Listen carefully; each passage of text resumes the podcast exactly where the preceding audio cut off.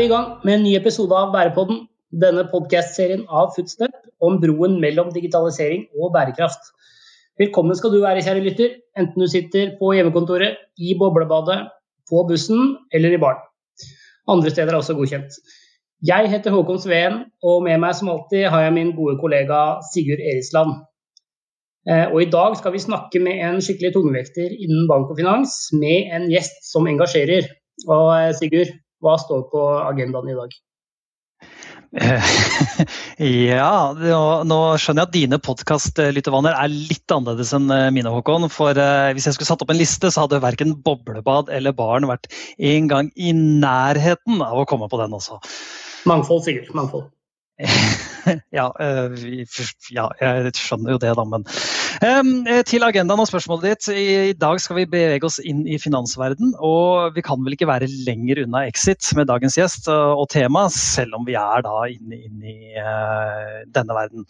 Vi skal snakke med Yngvar Ygland fra DNB om bl.a. samarbeid som verktøy for innovasjon. Og vi har jo snakket en gang tidligere om, om dette med spenn, spenstige stillingstitler tidligere, Håkon. Og, og Yngvar sin kommer vel godt inn på lista over Bærepoddens tøffeste stillingstitler.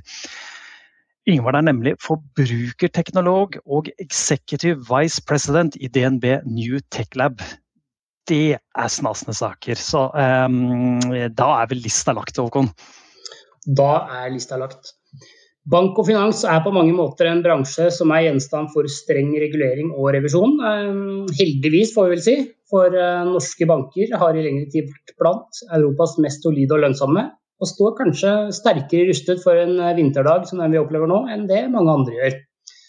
Men hva vil skje fremover når koronakrisen har lagt seg og vi begynner sakte, men sikkert å krype tilbake til en slags normaltilstand? Det skal vi få høre mer om i dag. Ja, og så skal vi snakke om hvordan norske banker er rustet mot altså konkurranse fra andre betalingsformidlere.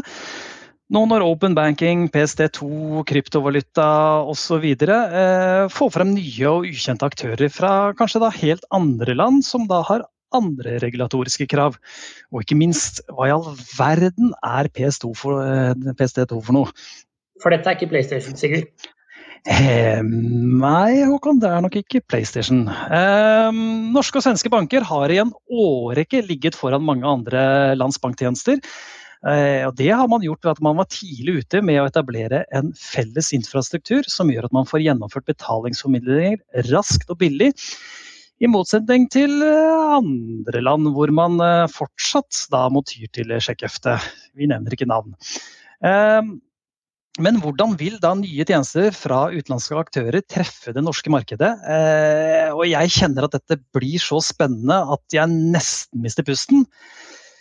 Men før jeg gjør det, her er litt footfacts. Hei, Ida Gram fra Footstep her. I dag skal vi snakke om noe som er viktig og vanskelig, nemlig samarbeid. Aldri har det vært viktigere i en verden hvor pandemi, arbeidsledighet og konkurser preger oss og hvor mange er redde, syke, ensomme og fortvilte. Og aldri har det vært mer snakk om dugnad, spleiselag og betydningen av å dra lasset sammen, selv om en ikke alltid er enige om hvem som drar det tyngste lasset akkurat nå. Én ting er iallfall sikkert. Uten samarbeid ingen måloppnåelse. Og FNs bærekraftsmål nummer 17 handler om hvorfor det er så viktig, og hvordan det må samarbeides for å oppnå de 16 andre bærekraftsmålene. Vi kan på en måte si at bærekraftsmål 17 representerer muliggjøreren blant målene, og verktøyene som må til for å lykkes. For å nå bærekraftsmålene trengs det nye og sterke partnerskap. Myndigheter, næringsliv og sivilsamfunn må samarbeide for å oppnå bærekraftig utvikling, og sommeren 2015 ble landene i FN enige om en felles finansieringsplan for målene på konferansen Financing for Development som fant sted i Etiopias hovedstad Addis Ababa. Og de må samarbeide langs ulike akser for å få det til. Nedfelt i en rekke delmål til bærekraftsmål 17. Noe handler om økonomi, verktøy og regulering, slik som målrettet finansiering, bedre gjeldsvilkår og sikring av investeringsfremmende ordninger i utviklingsland. Noe handler om utvikling og deling av miljøvennlig teknologi. Og noe handler om å legge til rette for mer rettferdig handel gjennom bedre regulering og større åpenhet.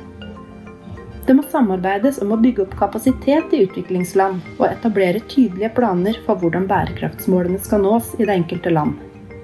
Det må sørges for bedre politisk og institusjonell samstemthet for å sikre stabilitet, bærekraft og fattigdomsbekjempelse, samtidig som en respekterer det enkelte lands politiske handlingsrom og lederskap. Det globale partnerskapet for bærekraftig utvikling skal styrkes gjennom å fremme partnerskap på tvers av interessenter på ulike felt. På tvers av offentlig og privat og sivilsamfunn. Og for å monitorere og måle utviklingen må en ha tilgang på relevante og pålitelige data. Og støtte utviklingsland, slik at de kan bygge kapasitet til å generere, bruke og lagre statistikk på en sikker måte. Mange innsatser der, og mange interessenter. Men fellesnevneren er omfattende og forpliktende samarbeid. I dag skal vi få høre mer om hvordan Norges største bank samarbeider med offentlige aktører om krisepakka til små og mellomstore bedrifter. I tillegg skal vi lære mer om hvordan DNB arbeider med innovasjon, tjenesteutvikling og bærekraft. Takk til eh, Ida Gram for en fin gjennomgang av det som må være et av de viktigste bærekraftsmålene, nemlig samarbeid. Da er det endelig tid for å slippe til Ingvar Yngvar Ugland fra DNB. Aller først, hjertelig velkommen til Bærpodden, Bærepodden, Yngvar. Jo, tusen takk for det. Du er i ferd med å bli en eh, sentral skikkelse i DNB, men er kanskje ikke et typisk A4-eksempel på en klassisk bankmann. Kan ikke du starte med å fortelle litt om deg selv? Jo, um, jeg er jo først og fremst en eh, teknologimann, da. Men det passer jo inn, bra inn i dagens bank og hva bank ønsker å bli. Så um, jeg har jo liksom teknisk utdannelse, matematiker fra eh, NTNU i sin tid, men jobba med software både derifra og egentlig helt siden. Um, Jobba Big Tech, var i Microsoft i mange år.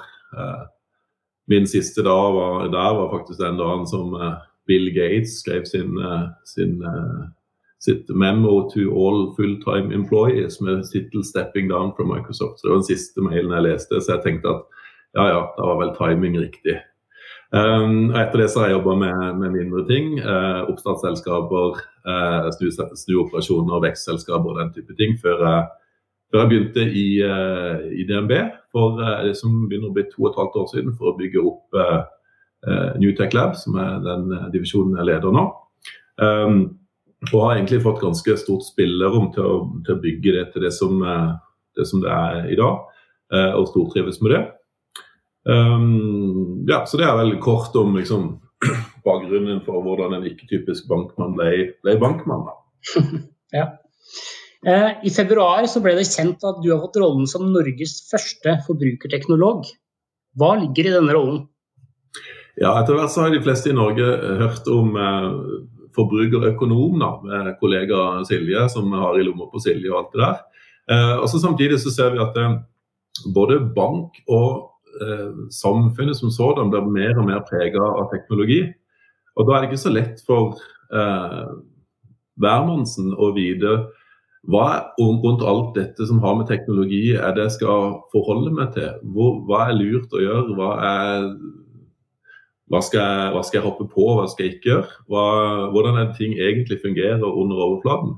Så det handler litt om å være en litt sånn, sånn eh, tydelig, eh, fornuftig stemme for eh, folk flest.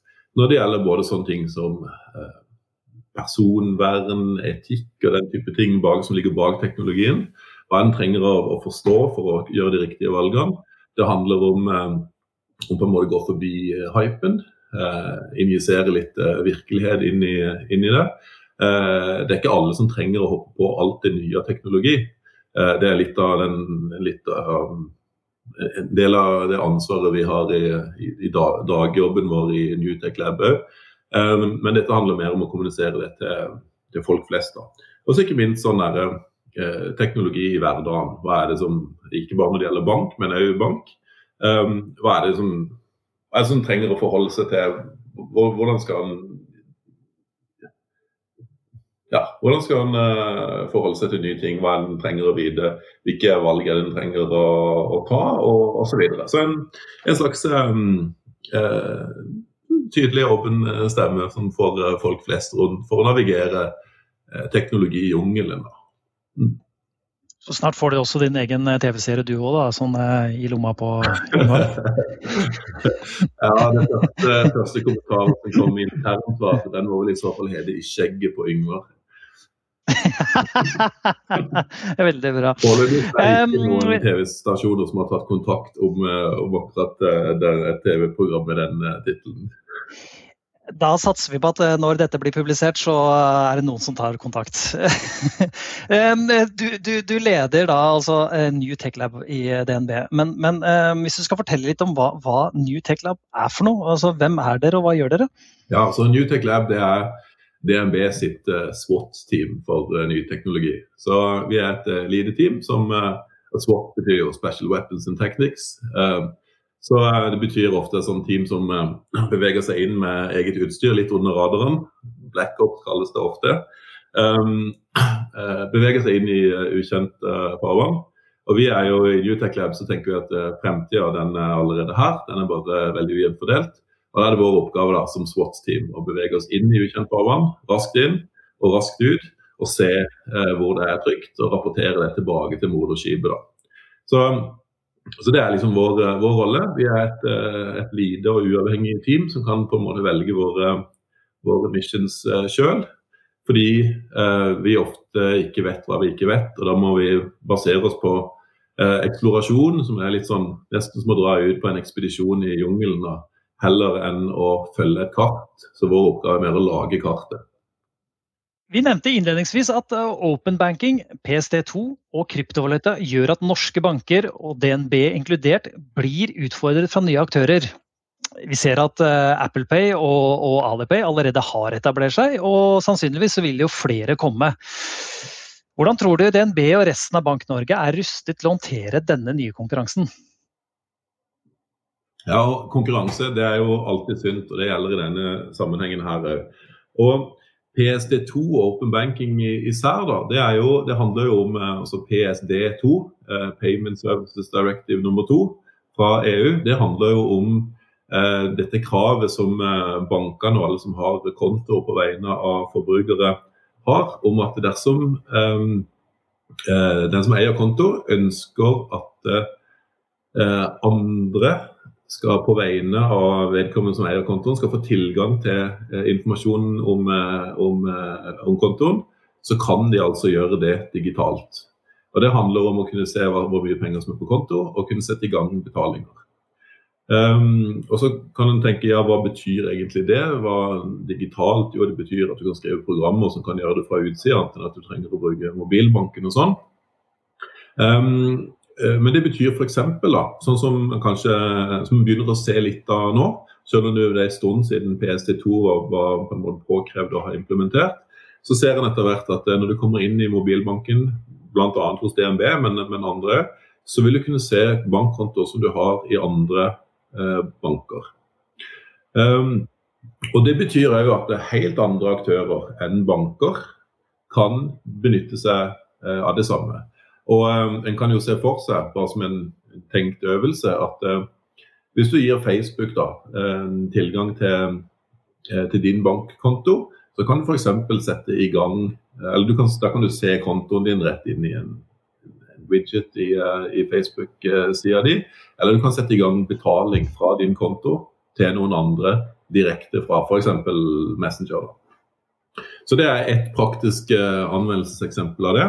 Um, og så, så, er det viktig å se litt på historien, da. fordi dette er ganske likt det som har skjedd med f.eks. Eh, Telekom, hvor eh, den som eide infrastrukturen, eh, var òg den eneste du kunne kjøpe tjenestene fra. Eh, og Det samme har vi sett med strøm. Den, den som eide nettet, og den eneste som kunne levere, eh, levere deg strøm. Nå er det helt eh, kobla fra hverandre. Og Særlig med Telekom så har vi sett at eh, det har eh, betydd eh, mye eh, i forhold til å redusere pris på, på, på en måte råvarekostnad, altså har bankkontoen, som blir til, tilsvarende her. Men det har betydd enormt mye for tjenesteutviklinga rundt.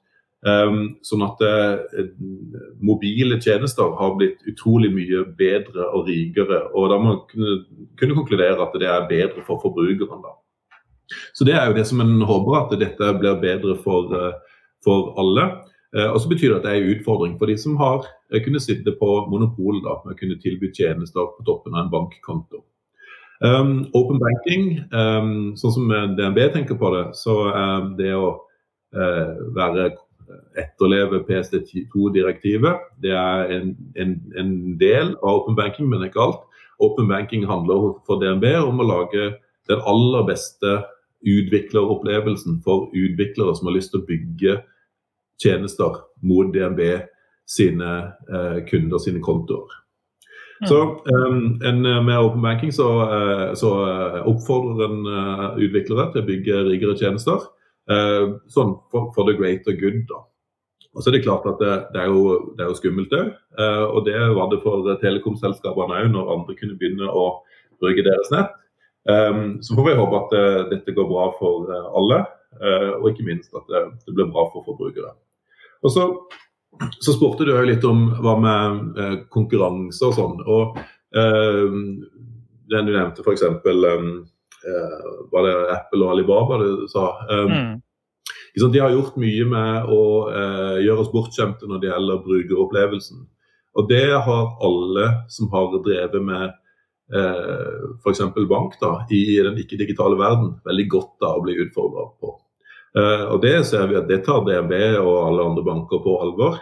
Uh, og når vi snakker om disse, hvordan en har begynt å jobbe mer som, eh, som, som teknologiutviklingsselskaper, så er det absolutt en viktig del av det å lage eh, smashing brukeropplevelser. Som gjør at liksom, du får den følelsen at dette er bare dette er ikke bare praktisk, men det er kult, og jeg har lyst til å, lyst til å, lyst til å gjøre ting med disse appene mine. Mm.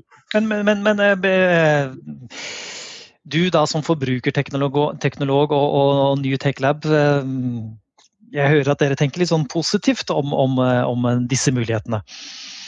Ja, Vi har jo en, en, oppgave med å tenke på hva er det fremtida kan bringe. Mm. Enten det er i eh, tråd med hva fortida har gitt oss, eller ikke. Og mm. Ehm, vi så jo hva DNB var i stand til å gjøre når det gjelder å skape digitale opplevelser som har satt store spor i samfunnet vårt med VIPS. Mm. Um, men langt på vei så, så kan en vel si at det var en sånn derre uh, En gjorde det fordi at hvis ikke en gjorde det, så kom noen andre til å gjøre det. Mm. Um, og der har en, jeg tror en har erkjent at det her ønsker en å være i forkant og utforske hvilke muligheter som kan komme gjennom digital teknologi. da. Um, så Det er litt av det er vår oppgave. Det er en, eh, noe som, som, banken er opptatt av generelt. Å prøve å tenke på hvordan kan vi gjøre det, skape den beste fremtida for banken og for våre kunder. Med både å kombinere alt det som vi har pleid å være gode på, med det som vi må være gode på i fremtida. Mm. Takk for en god beskrivelse, Ingvar. Eh, I forrige episode med IT-direktøren i Nav så snakket eh, Jonas Lørdal Skjerpe bl.a. om viktigheten av å ha en åpen og tillitsbasert eh, organisasjonskultur for å fremme innovasjon. Hvordan arbeider dere med det i DNB? Ja, En av de tingene som, som en har hørt mye fra DNB-ledere og kanskje Rune Bjerke især, det handler om det, det som de kalte for gi slipp-ledelse. Og Det handler nettopp om akkurat det. Om å ikke måtte ta alle beslutningene på toppen, men delegere til de som sitter nærmere kunden, som sitter nærmere problemstillinger, som sitter med spesialkompetansen. Eh, ikke bare for å få bedre beslutninger, men for å få raskere beslutninger. Og eh, Dette som vi snakka om eh, nå, med liksom, eh, produktteam som får lov å ta sine egne avgjørelser for å holde høyere fart og lage bedre brukeropplevelser og sånn, de sitter med mye større beslutningsmyndighet enn de gjorde f.eks. For, for uh, fem år siden, som var, var før uh, VIPS. Og, og, jeg tror VIPS var, var, et eksempel på at her må du bare gi slipp. Det skal vi rekke dette her? Få et produkt ut i, ut i markedet. Uh, og jeg tror den lanserte 30. mai 2015, så det er jo tett på fem år siden. Um, før det så, så, tror jeg ting var ganske annerledes når det gjaldt liksom beslutningshastighet. da. Um, og um, et sånt team som, uh, som, det, som, det, vi driver, da, uh, på en måte den mer radikale teknologidrevne innovasjonen, er jo i høyeste grad avhengig av å kunne gjøre ting som, som er eh, potensielt da, i konflikt med måten ting har vært gjort på før. Og Det betyr at du må ha, stor tillit til, til f.eks. et team som oss, og virkelig gi slipp. Um, og, det, og, det, betyr òg at um, mens vi har blitt veldig gode på, på disse produktteamene våre til å forstå brukerne og lytte til løpende feedback og alt sånt der, så må han òg uh, tillate seg noen ganger å utforske funksjoner, produkter, teknologier, områder som ingen kunde eller ingen bruker noen gang har spurt om. For det Historien viser jo at uh, de virkelig radikale endringene og de, de store de, um, order of magnitude improvements, som vi kaller det, som de som er liksom ti ganger bedre, de kommer ofte ikke av, uh, av interaksjon med brukeren om hvordan du kan forbedre det du allerede gjør. Det, og Det er i høyeste grad et uh, eksempel på, uh, på tillitsbasert kultur. og så er det dette med åpenhet. DNB har vært på en fantastisk reise, synes jeg, med å erkjenne at Uh, en gjør mye bedre sammen med andre enn det en gjør uh, selv. Og selv om DNB har, uh, er stor og har store muskler og har evner å få til mye selv, så er en blitt veldig flinke til å erkjenne at i samarbeid med andre, enten det er andre banker eller det offentlige eller oppstartsselskaper eller hva som helst, så klarer en veldig mye hvis en samarbeider med andre. Det er veldig spennende å høre på. I, i disse Eh, når man jobber med produktutvikling, da, altså, hvordan sikrer man at brukermedvirkningen blir ivaretatt i utviklingen av disse nye tjenestene?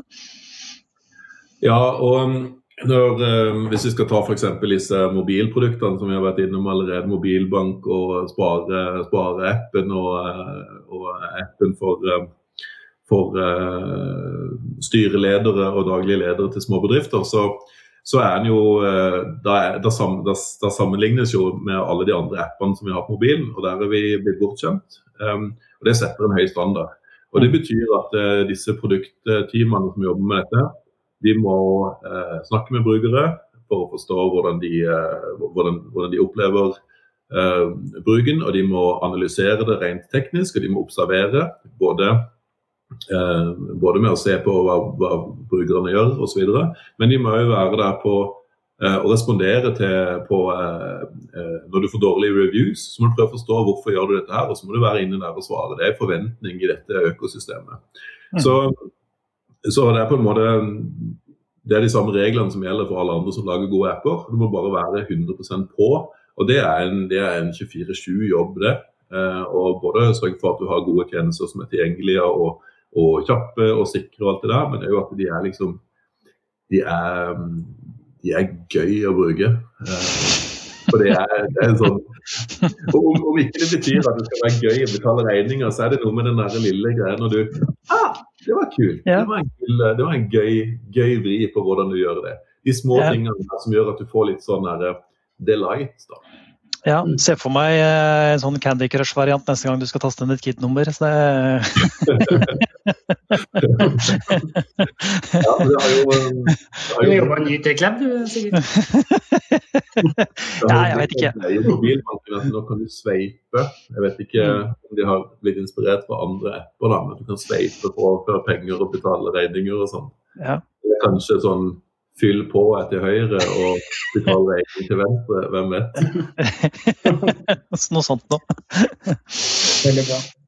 Du har eh, mange jern i ilden, Yngvar. Men eh, noe av det viktigste du har jobbet med den siste tiden, det er å få på plass en eh, krisepakke til små og mellomstore bedrifter som er rammet av korona. Vi tror mange er interessert i å høre om hvordan dere klarte å rigge et samarbeid mellom privat og offentlig sektor på så kort tid. Kan ikke du fortelle litt om det? Ja.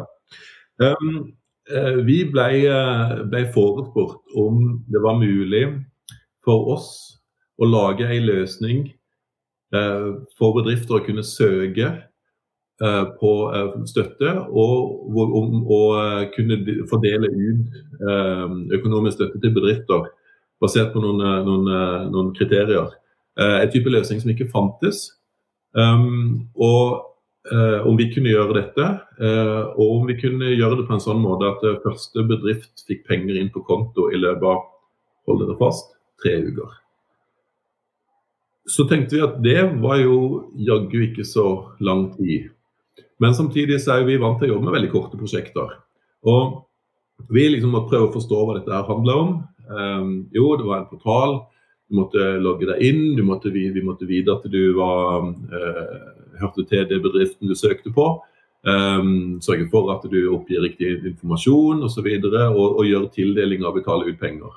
Greit, det er masse ting å tenke på når det i tillegg skal være eh, skalerbart til hundretusenvis av bedrifter. Det skal være sikkert som banken og vel så det. Fordi her setter du ja, Det var noen fra husker ikke om det var fra departementet eller hva det var, som sa at her setter du i praksis eh, statskassa på gata og lar DNB pakke på den.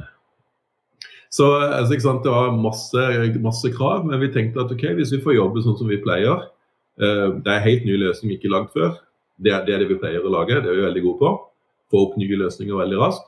Vi kunne bruke vårt eget team, sånn at vi har liksom, eh, samarbeidsmetodeverk eh, i, i ryggmargen og alt. Greit, det fikk vi òg lov til. Og vi måtte kunne jobbe helt autonomt og isolert. Og dersom vi trengte eksterne avhengigheter, f.eks. oppslag i eh, offentlige registre og sånn, så sa vi at da trenger vi lokale kopier av disse dataene, sånn at vi har kontroll på risikoen og kan ta ansvaret for det. Så eh, liksom eh, innkapsling av risiko, da. Ja, og det var jo greit. Og da tenkte vi ja, let's do it. Så vi visste ikke at vi skulle samarbeide så mye med det offentlige, men så viste det seg jo at um, uh, du, kan ikke, du, kan ikke, ha en privat aktør til å dele ut statlige midler på den måten. Så, uh, så Skatteetaten ble satt som den forvaltende organisasjonen uh, etter at vi hadde begynt å bygge løsninger og alt mulig. og da, ble det et, da måtte vi avhengig av samarbeid med de. Um, og det er en, en annen kultur. og Vi hadde jo aldri møtt dem før, og vi har ennå ikke møtt dem, for vi har sittet på hjemmekontor og, og bygd ting sammen. Men en enorm tilpasning fra begge sider. Uh, som gjorde at vi, vi, pivoterte hvordan den arkitekturen så ut da, mange ganger underveis. og, um, og klarte å komme fram til en løsning som var mye mer integrert med måten som skatteetaten normalt sett gjør eh, interaksjon med bedrifter på. Eh, inkludert at de får eh, vedtak i Altinn og sånne ting. Og at det, det funker med skatteetatens eh, eksisterende veldig robuste og gode apparat for, eh, for etterkontroll osv. Så, videre. så Så vi Men det er et utrolig kort prosjekt. Og når penger skal være på konto innen tre uker, så betyr det at da må du starte pilottesting i, i produksjonen noen, noen, få dager før det. For hvis noe går galt den ene dagen, så du, må du vente til neste dag for å få det til. Eh, og oppi dette så kom påske. Så vi måtte være i um, tre dager før vi skulle være i full produksjon for alle bedrifter. Det var første bank da etter påske. Eh, så måtte vi ha gjort eh, ende-til-ende-testing før det, og litt stabilisering. Så vi satt egentlig igjen med at vi har ti dager på å bygge løsninger. Uh, og de ti dagene var stort sett helligdager i påska. Så um, hvis du spør om, noen, om vi har jobba 24-7, så nei, det har vi ikke. Men det er noen som har jobba 21-7. Ja, ikke sant. Mm. Ja, det er imponerende også. Men, men vil vi Tror du vi vil se flere av det, altså mer av denne type samarbeid i framtiden? Altså, når koronakrisen er over og vi kommer tilbake til normale hverdager? Ja, eh, jeg både håper og tror at det her er det satt en ny gullstandard både for hvordan eh, sånne prosjekter kan være. altså For den saks skyld en eh, utviklingsprosjekter generelt. Mm. Men, men, især da i grensesnittet mellom offentlig og privat. Og eh, lederne til disse aktørene, henholdsvis Kjerstin Bråten, konsernsjefen vår, og, og Hans Christian Holte, skattedirektøren, og og Ida Kreutzer, som leder Finans Norge, hadde jo en felles kronikk i, i VG hvor de, med overskriften 'Det beste Norge har å by på'. Mm. Hvor de avsluttende ordene var noe sånn prikk, prikk, prikk, dette har gjort. Det umulige mulig. Så jeg, jeg, tror jo virkelig at, uh, at her er det satt en, en, ny standard som jeg håper vi ikke glemmer. Ikke glemmer hva som er mulig når, uh, når på en måte ingen, ingen, av de gamle reglene gjelder. Så ser du at det er nesten ikke grenser for hva som er mulig. Det håper jeg, det håper jeg virkelig. Mm. Man sier jo altså, ordtaket at eh, uh, ingenting er umulig, men eh, det umulige tar kanskje litt lengre tid. Men dere har kanskje bevist at det nødvendigvis ikke tar så lang tid, da? ja, det er, så, det er morsomt at du sier det. Jeg skrev det på LinkedIn her. at ja, akkurat det der, nå vet vi bedre. Det er umulig å ta nemlig tre uker. ikke sant. Um, altså, vi, vi, i Foodstep vi er genuint opptatt av det grønne skiftet. Og, og, og vi kommer ikke utenom å, å spørre da, uh, hvordan DNB jobber med å levere på sine egne forpliktelser i henhold til klima, miljø, menneskerettigheter og sosialt ansvar. Um, kan du fortelle litt om det? Ja, og det, Vi snakker om det grønne skiftet, men vi snakker ofte om, om, om bærekraft generelt og bærekraftsmålene. og eh, Hvis vi starter med de, eh, de grønne tingene, så, så, er det jo sånn nå at eh, i DNB så får du bedre betingelser eh, jo mer miljøvennlig du er. Eh, og du kan, eh, har jeg blitt fortalt eller lest i media, du kan, du kan bli nekta å få, få lån f.eks. i DNB hvis du, hvis du, driver med virksomhet som er direkte sånn, uh, miljøskadelig. Da. Um, så jeg tenker at er, Da har du satt en tydelig standard. Mm. Um, så det er det, det er det, ene. Og så er vi jo i forhold til annen bærekraft vi, jo, vi bruker utrolig mye ressurser på bekjemping av økonomisk kriminalitet. Som jeg tenker er et veldig, veldig viktig bidrag. Vi er den største banken i Norge. Det er naturlig at vi tar, tar en, en, god del av det. Uh, og en er ganske flink til å samarbeide med andre banker òg uh, om det. Så er vi opptatt av å, eh, å lære både, både, unge og voksne og eldre om å ta vare på sin egen økonomi. Vi har f.eks. lærepenger, som jeg har sett har vært populært blant lærere i denne digitale skolesituasjonen nå.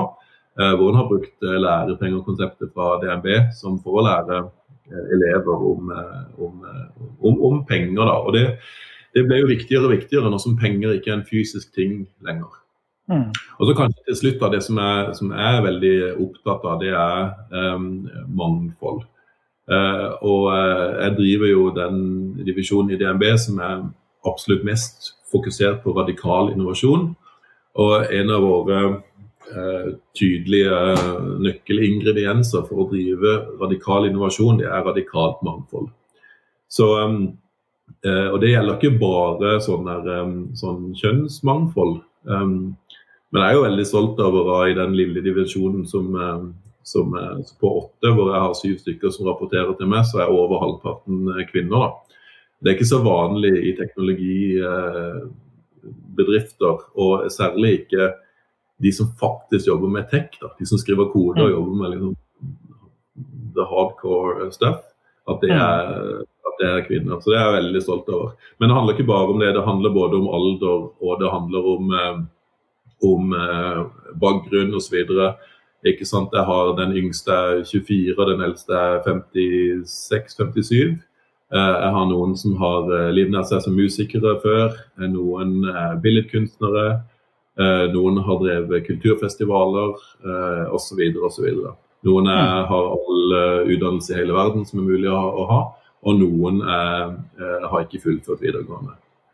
Så, um, så, Det er kanskje det som står mitt hjerte nærmest, av radikalt mangfold. Eh, ikke bare for radikal innovasjon, en, jeg tror det er premiss for radikal innovasjon, men, eh, men, men radikalt mangfold som så, Jeg tror det er viktig for, uh, for ja, for, for gode og bærekraftige bedriftskulturer. Mm. Hvis du skal trekke fram én eh, ting, Ingvar, hva vil du si er det viktigste grepet DNB gjør for å bidra til en bedre verden? Jeg syns vi ser, vi ser eh, viktigheten av å ha en bank du kan stole på nå i disse eh, pandemitider. Eh, det har vært en tredobling av henvendelser til banken om å få gode råd om hvordan en skal gjøre ting, enten du er privatperson eller, eller bedrift. Eh, og ha noen å snakke med. Vi har alltid snakka om digitalisering og heldigitalisering, eh, maskinbasert prosessering av ting. Men det å ha et menneske å snakke med nå og få gode råd, det har vist seg å være veldig viktig.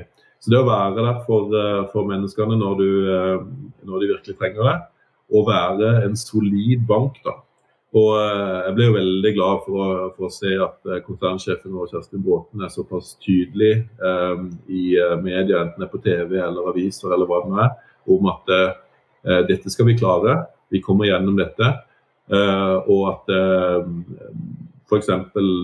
DNB og, og finanssektoren er, er bedre rusta for å håndtere kriser nå enn noensinne før. og det tror jeg er til etter et eksempel til, som resten av verden bør, bør lære mye av. Det at du kan stole på banken din eh, også i krisetider. Og, og, sånn er det ikke i alle deler av verden. Vi har eh, I teamet mitt så har vi kontor i, i Silicon Valley òg, i San Francisco og i, i, Palo Alto, som er hjertet av Silicon Valley. Og der er det helt motsatt av sånn det er i Norge. De tre du stoler aller minst på der, det er myndighetene, banken din og forsikringsselskapet ditt. Og her er det egentlig akkurat motsatt. Ja. Ja, jeg, er ikke noen tvil om uh, hvor jeg ville vært, for å si det sånn. um, vi har jo snakket litt om disse tingene, men, men, men uh, hvis vi ser fintech da, i et internasjonalt perspektiv, tror du Norge har et konkurransefortrinn som gjør at vi kan eksportere teknologi og kunnskap. Eventuelt at man bistår da med altså mindre utviklede land til å bygge opp sin egen finansinfrastruktur. Eller er det liksom så mange har egentlig påpekt at, at, at, noen av disse landene da eh, de, de, de, har jo hoppet over et par steg av eh, teknologievolusjonen og, og, og, kanskje ligger lenger fremme enn oss, i hvert fall på noen områder. Eh, noen refleksjoner rundt det?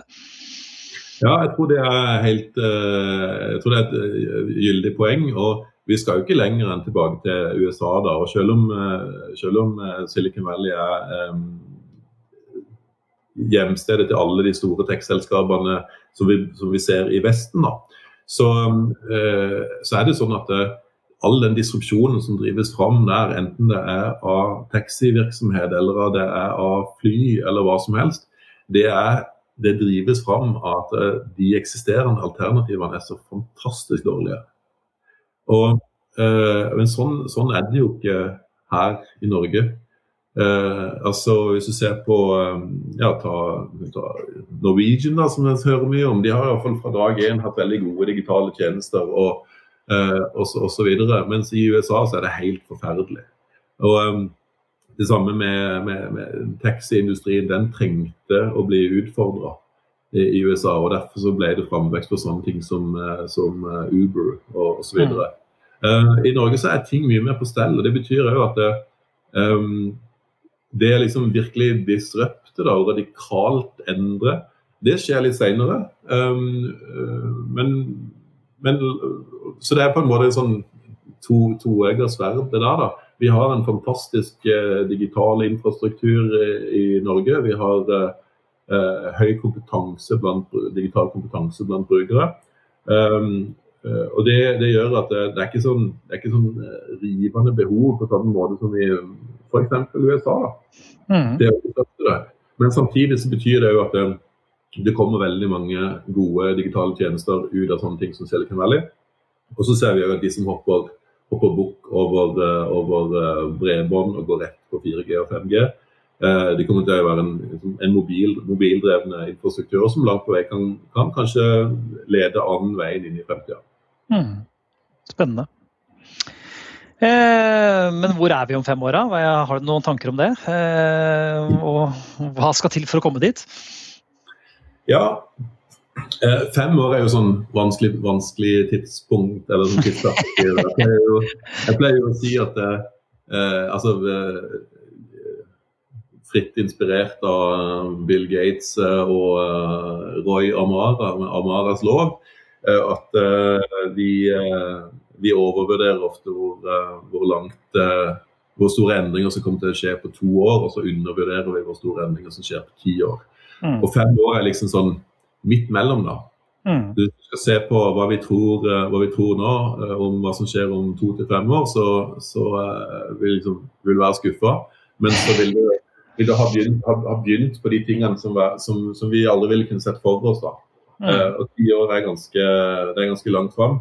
Eh, det er nå eh, det er ti år siden eh, iPaden kom.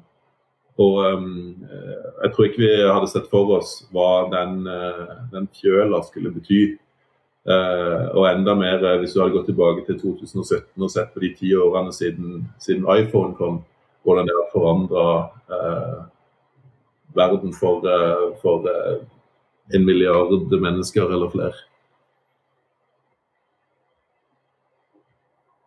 Um, så kan jeg jo si at jeg tror for at vi virkelig skal utnytte dette, her, da, så er det viktig å sette noen, noen store og ambisiøse mål. Uh, så Når det gjelder ti år, så er det sånn at det, det er sinnssykt stort potensial for ti år. Uh, og Jeg er opptatt av det å sette noen sånne ekstreme referansepunkter. Noe sånn virkelig hva, hva, kan være mulig hvis du virkelig Igjen tilbake til litt det som vi snakka om tidligere. At det, Hvis ingen regler gjelder lenger, hva, hva går det an å drømme opp om, om, uh, som kan være mulig om ti år? Selv om det er ti eller hundre ganger bedre eller mer dramatisk enn det, dramatisk forbedring enn det vi har i dag, eller helt andre ting. da. For det er det eneste som gjør at du klarer å, å, å se for deg at du altså Hvis du jobber deg tilbake, så, så, ser du hvor store skritt må du egentlig ta for å klare å nå sånne mål i løpet av ti år. Og Det er viktig for, for mindsettet og for å kunne løfte blikket og tenke sånn her størrelsesorden forbedringer. Mm. Vi nærmer oss uh, slutten her, uh, Ingvar, men, men, avslutningsvis, og dette spørsmålet stiller vi alle våre gjester. Hvem mener du ligger lengst fremme i Norge når det gjelder å se digitalisering og bærekraft i sammenheng? Hvem mener du fortjener ei lita virtuell blomsterbukett? Ja, Da er jeg jo veldig farga av, av, hvor hodet mitt har vært eh, den siste, siste måneden. Um, men både når det gjelder digitalisering og når det gjelder bærekraft av uh, næringslivet i Norge, så har, eh, så har omgivelsene våre i denne, denne kompensasjonsordninga som vi har bygd, eh, gitt, muliggjort den løsninga som vi har bygd. Jeg tror jeg vil peke på alle, alle aktørene som har vært med der, så jeg vil peke på det som heter DSOP. Digitalt sam, eh, samarbeid, digital samhandling offentlig-privat. Som er på en måte lagt grunnlaget for det at du har arenaer hvor disse er vant til å snakke med hverandre når vi kommer inn som et tech-team og skal bygge en løsning som ikke finnes, så kan vi plugge oss inn i eksisterende tjenester som ID-porten og eh, eh, næringsregisteret og alt mulig. Eh, pålitelige, offentlige registre som gjør at du f.eks. ikke trenger sånne teknologier som blockchain. Um, men de er digitalt tilgjengelige um, og uh, lagt, lagt, opp til at du skal gjøre sånne typer samarbeid. Så jeg tror um, både når det gjelder digitalisering og bærekraft i forhold til å redde næringslivet vårt, så tror jeg vil gi den eh, digitale blomsterkvasten til DSOP, digital samhandling offentlig privat. Det får bli eh, siste ord for denne gang. Eh, vi har hørt Yngvar Alla, Norges første forbrukerteknolog, fortelle om DNVs reise fra tradisjonell bank til teknologibedrift. Eh, vi har hørt han snakke engasjert om krisepakker, samarbeid og utviklingstrekk. Og vi har fått innsikt i hva som ligger og venter for DNB og norsk fintech i, tiden fremover. Det har vært eh, veldig inspirerende å snakke med deg, Ingvar. Eh, og vi håper at du som sitter der hjemme også har lært noe nytt. Bærepodden kommer tilbake med flere spennende episoder før du aner ordet av det. Tusen takk for at du hørte på, og ha en aldeles strålende dag videre.